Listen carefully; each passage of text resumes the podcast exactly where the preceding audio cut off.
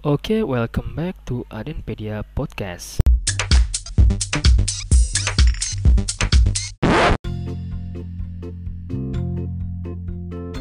Welcome back to Adenpedia Podcast. Ini episode pertama di bagian terakhir. Jadi kita ambil kesimpulan ya bahwa seminar itu nggak selalu buruk atau jelek. Jadi tergantung perspektif kita dan planning kita. Pastikan sesuai dengan kebutuhan kita. Nah, saya akan rekap dari part pertama sampai part akhir ini yang ketiga. Sebenarnya awalnya seminar itu adalah untuk menyampaikan materi yang bersifat sosial sebagai bentuk untuk akademis sebenarnya. Awal-awalnya ya tapi karena sekarang malah jadi cenderung lahan bisnis tapi sebenarnya nggak ada masalah walaupun menjadi lahan bisnis menurut saya saya juga pernah ikut seminar yang uh, worth it gitu karena juga penyelenggara dan pembicaranya juga harus ada timbal balik begitu ya. Kita bayar dan kita mendapatkan ilmu yang tersampaikan lewat seminar tersebut. Dan kita juga jadi punya pengetahuan baru, relasi baru seperti itu ya. Nah, terutama relasi ya, karena menurut saya relasi itu seperti mata uang. Karena kita nggak bisa kerja sendiri, kita nggak bisa bisnis uh, hanya sendirian. Kita harus saling bekerja sama. Nah itu penting relasi. Uh, singkatnya ini mungkin beberapa tips ya, bagaimana bisa anda mengikuti seminar un, uh, untuk menurunkan tingkat penyesalan Anda gitu ya. Lebih tepatnya biar Anda tidak terlalu merasa kecewa sebelum mengikuti seminar.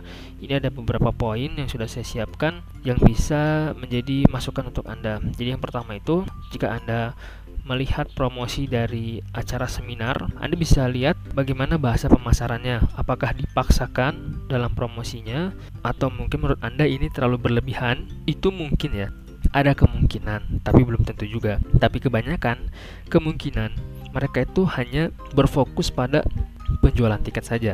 Jadi mereka hanya fokus pada penjualan tiket yang nanti juga bisa di follow up lagi untuk menjual tiket yang jauh lebih mahal lagi. Jadi Anda bisa perhatikan bahasa pemasarannya. Jika menurut Anda memang ya emang bisa seperti itu ya Anda boleh mulai melirik seminar tersebut. Nah, tapi masih ada tips yang lain. Yang kedua, itu coba perhatikan topiknya topik yang akan disampaikan pada seminar tersebut relevan tidak atau sesuai tidak dengan kondisi yang memang benar-benar Anda ingin dapatkan.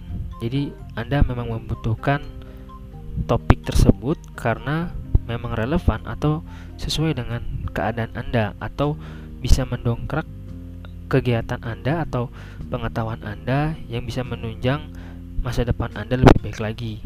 Coba dicek lagi topiknya jika memang tidak ada hubungannya dengan keadaan Anda atau kondisi Anda tidak sangat-sangat tidak relevan, sebaiknya tidak perlu. Tapi sebenarnya jika Anda bisa melihat dari uh, promosinya, misalkan Anda melihatnya di iklan sosial media, Anda klik dan Anda dibawa ke halaman landing page, uh, halaman websitenya. Di situ ada materi-materi apa yang akan dibahas dari A sampai Z. Anda juga bisa tahu di situ sebenarnya dari poin-poin tersebut benar-benar Anda butuhkan atau tidak.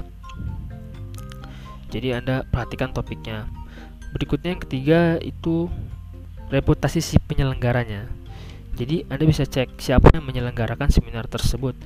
Anda bisa cek track recordnya di internet pun bisa ada. Anda cek apakah penyelenggara tersebut sudah mengadakan acara-acara yang sejenis atau misalkan apa yang mereka pernah selenggarakan bagaimana hasilnya memuaskan atau tidak.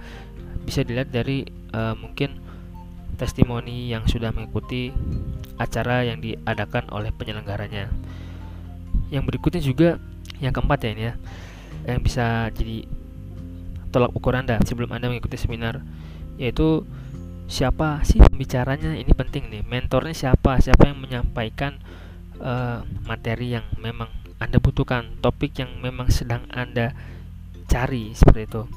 Dan cek juga bagaimana reputasi dari si pembicara ini. Apakah memang memiliki kompetensi di bidangnya atau memang dia relevan dengan topik yang anda butuhkan? Anda bisa cek apa background si pembicara ini. Yang kelima ini poin yang menurut saya juga uh, cukup penting. Karena ya penting karena ini untuk tiket masuk ya, yaitu harga kegiatan seminar tersebut. Berapa harga seminarnya? harga seminarnya itu sesuai dengan kantong Anda atau tidak. Jangan sampai memaksakan. Jangan sampai Anda benar-benar sampai harus minjam uang, menjual kendaraan seperti itu tidak perlu. Jadi Anda bisa nanti tanya-tanya testimoni ke yang sudah pernah ikut jika memang Anda memang menginginkan mengikuti seminar tapi kekurangan uh, dari biaya jangan dipaksakan menurut saya karena ada uh, lain waktu lagi yang bisa Anda coba yang mungkin bisa lebih murah. Nah, masih di harga seminar, Anda bisa cek Anda bisa cek apakah ada seminar yang sejenis, seminar yang lain dan harganya bagaimana? Sama, lebih murah atau lebih mahal? Nah, jika memang seminar yang Anda temukan malah lebih mahal dari hasil pencarian Anda, jadi seminar yang Anda ingin ikuti ini harga tiketnya mahal. Anda cari-cari lagi, Anda research lagi, ternyata ada yang jauh lebih murah. Nah, Anda cari perbedaannya apa? Apa yang membuat seminar ini jauh lebih mahal? Siapakah pembicaranya, tempatnya seperti apakah dua hari di hotel atau bagaimana yang membuat dia mahal? Nah, Anda bisa cek juga. Yang paling terpenting adalah coba cek eh, orang-orang yang sudah pernah mengikuti seminar tersebut. Biasanya suka ada trialnya, materi-materi singkatnya dan kita harus cek benar-benar apakah testimoni tersebut asli hasil dari peserta yang mengikuti seminar ataukah mungkin kadang ada yang dari memang tim dari penyelenggara tersebut. Nah, itu mungkin yang poin-poin yang bisa saya bahas yang bisa menjadi tolak ukur Anda bagaimana bisa meminimalisir kekecewaan Anda terhadap seminar. Sekali lagi, kesimpulannya adalah ini sebenarnya bagian dari hidup ya. Jadi jika Anda memang merasa uh, Anda kecewa telah mengikuti seminar A, seminar B, Anda tidak ingin mengikuti seminar lagi, sebenarnya itu hanya perspektif saja dan ini bagian dari hidup yang mana tidak akan selalu hidup kita itu mulus-mulus aja. Akan ada saatnya kita kalau dalam iklan boncos, tapi itu nggak ada yang istilahnya sia-sia pasti akan ada yang bisa kita pelajari tinggal bagaimana perspektif kita pandangan kita apakah selalu mencari yang negatif atau yang positif di depan mata tidak terlihat. Kita hanya tinggal gali positifnya aja. Setelah itu anda akan merasa gak ada yang sia-sia dan semua itu memang memiliki makna tersendiri.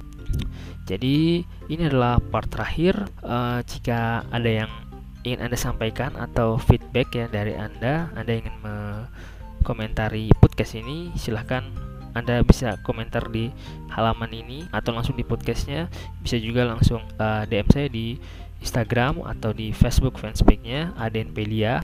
Mohon maaf jika, jika ada kata-kata saya yang mungkin kurang berkenan atau ada yang tersindir, semua itu 100% tidak disengaja, memang apa adanya.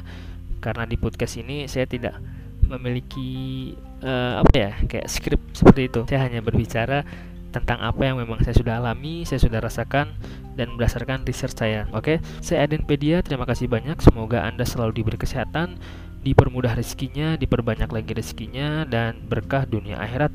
Itu yang lebih penting kita mendapat ridho Allah Subhanahu wa taala. Assalamualaikum warahmatullahi wabarakatuh.